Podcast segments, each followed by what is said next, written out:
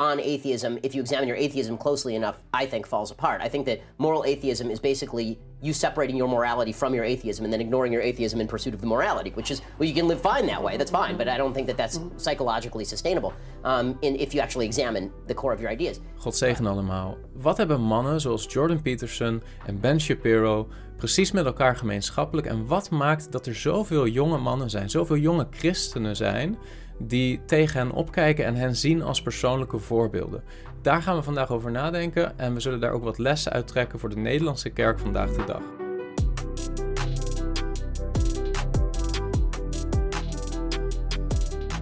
Als ik bij jonge christenen de namen van Jordan Peterson of Ben Shapiro noem, dan roept dat eigenlijk altijd wel herkenning op.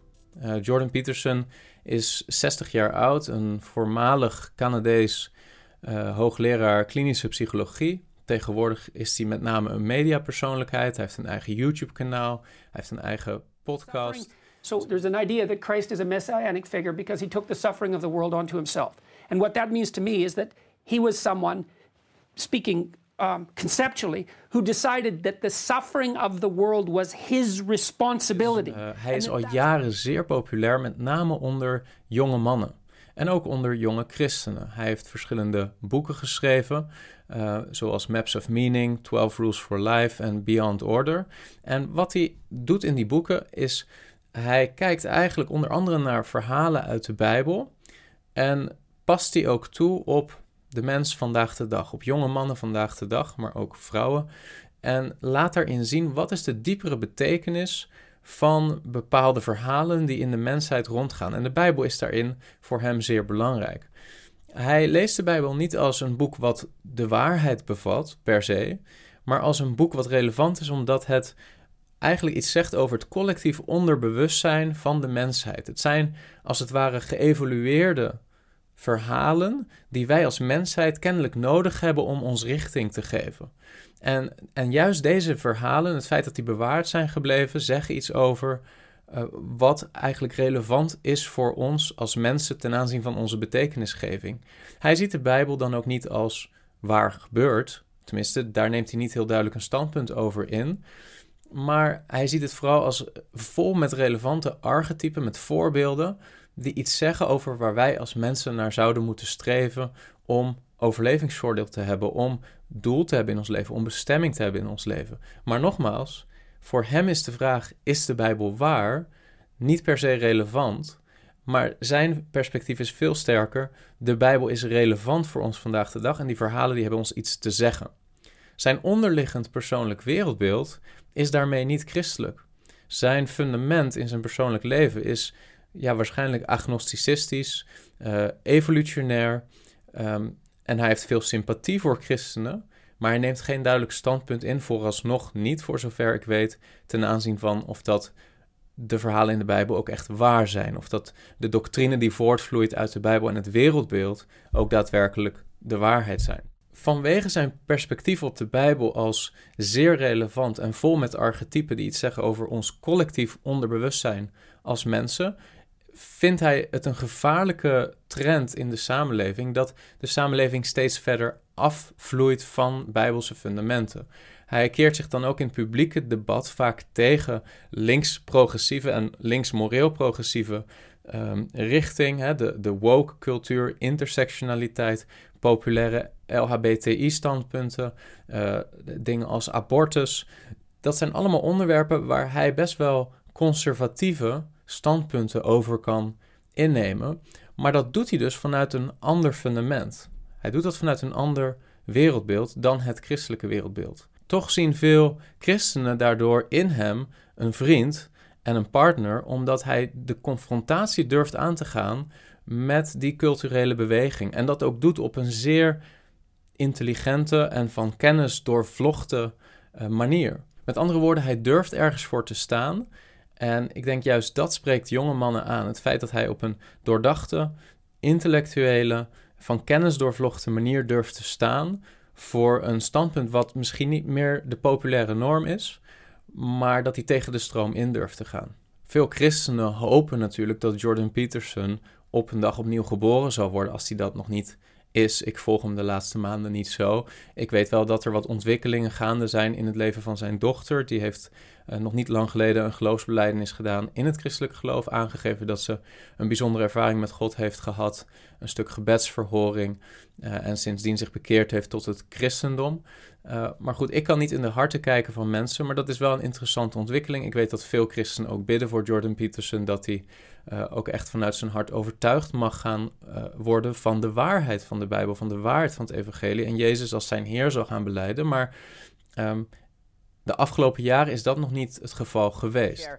Philosophically speaking, put aside, putting aside the, the basic crux of belief in one story uh, or one historic incident in your interview.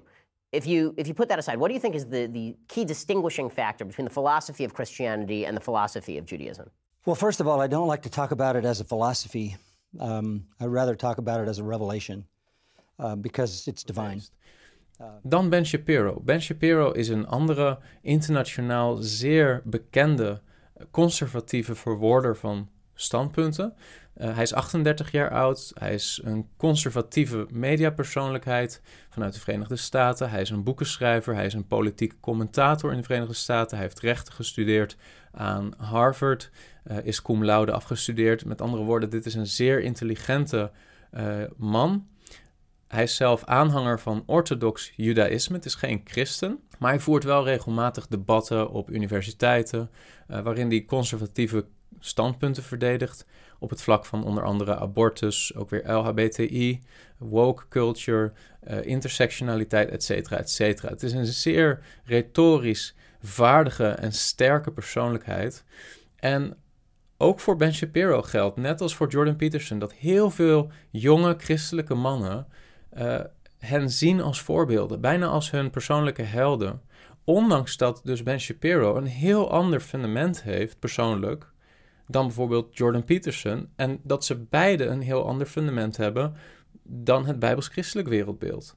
En toch verdedigen ze beide conservatieve christelijke standpunten in het publieke domein op een manier die jonge christelijke mannen aanspreekt. Wat mij opvalt is dat uh, ook in Nederland iemand als Thierry Baudet veel jonge christelijke mannen achter zich aan weet te trekken, omdat hij best een intelligente man is, veel boeken heeft geschreven, veel kennis heeft, eh, een charismatisch karakter heeft en op bepaalde vlakken ook weer conservatief-christelijke standpunten verdedigt in een samenleving, in een cultuur die eigenlijk steeds meer af lijkt te drijven van die conservatieve bijbelse standpunten.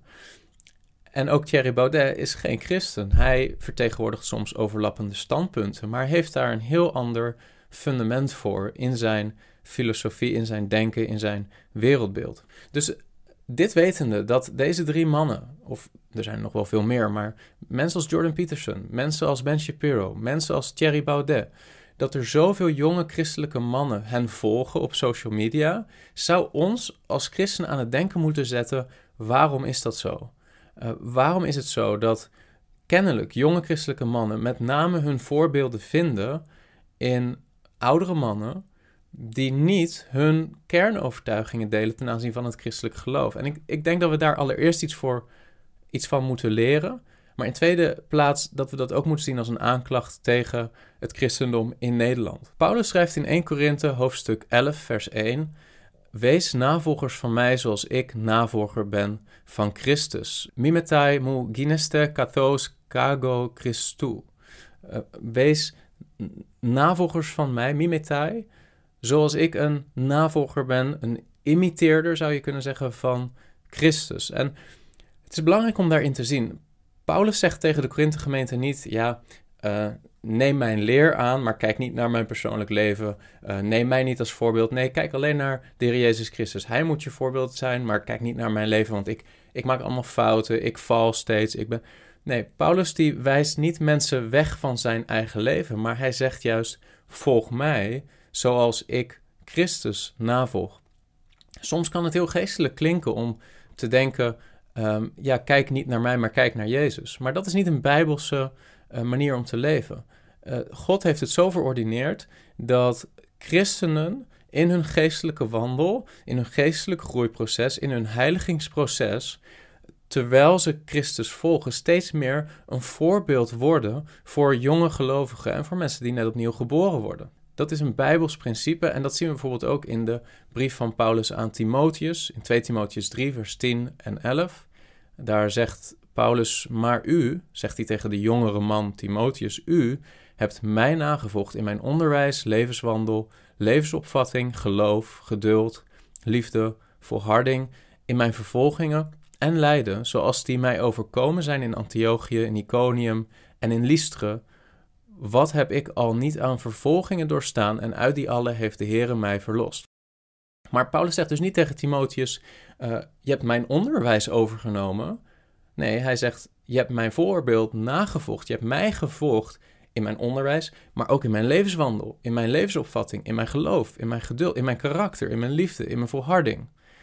Met andere woorden, het is bijbels voor jonge mannen om behoefte te hebben aan het voorbeeld van oudere christelijke mannen om dat te kunnen navolgen. Het christendom is niet alleen maar een intellectuele positie, het is een levenswandel. Het is God liefhebben, niet alleen met heel je verstand, maar met heel je hart, ziel, je kracht en je verstand. En jonge mannen hebben terecht behoefte aan voorbeelden in oudere mannen om tegenop te kijken, om zich aan op te trekken en om als voorbeeld na te volgen. Dat is, dat is bijbels. Maar een probleem is dat we kennelijk vandaag de dag zo weinig goede christelijke voorbeelden zien in de mannen in Nederland om ons heen, dat jongeren liever kijken naar mannen zoals Jordan Peterson, Ben Shapiro, uh, Thierry Baudet, om bepaalde christelijke karaktereigenschappen te zien in de praktijk die ze niet vinden in oudere mannen om hen heen. In mijn persoonlijk leven, zo tussen mijn 18e en mijn 24ste, in mijn studententijd, heb ik ook ervaren hoe belangrijk uh, het voor mij was om oudere mannen te hebben, christenen, waar ik tegenop kon kijken, waar ik me aan op kon trekken. En hoe moeilijk het ook was om goede voorbeelden te vinden. Nou, ik ben nu 34 jaar oud. Ik heb nu allerlei uh, mannen die ik ken, het zij vanuit hun boeken of biografieën uh, of vanuit preken online, waar ik me aan kan optrekken. Maar de mannen die in mijn studententijd voor mij het meest belangrijk waren in mijn persoonlijke vorming, wil ik met je delen, zodat jij er misschien ook iets aan zou kunnen hebben. Um, en dat zijn Paul Washer, uh, Zack Poonen en James White. Dat zijn drie mannen die veel invloed hebben gehad op mijn persoonlijke vorming als christen. En het zijn drie heel verschillende mannen met soms ook verschillende theologische posities, maar het zijn wel drie christenen die op een levende manier staan voor het christelijk wereldbeeld. Ook al zien ze misschien dat in de nuances soms wat anders. A turning away from sin, a hatred for the things that God hates, and a love for the things that God loves, a growing in holiness and a desire not to be like Britney Spears, not to be like the world, and not to be like the great majority of American Christians, but to be like Jesus Christ.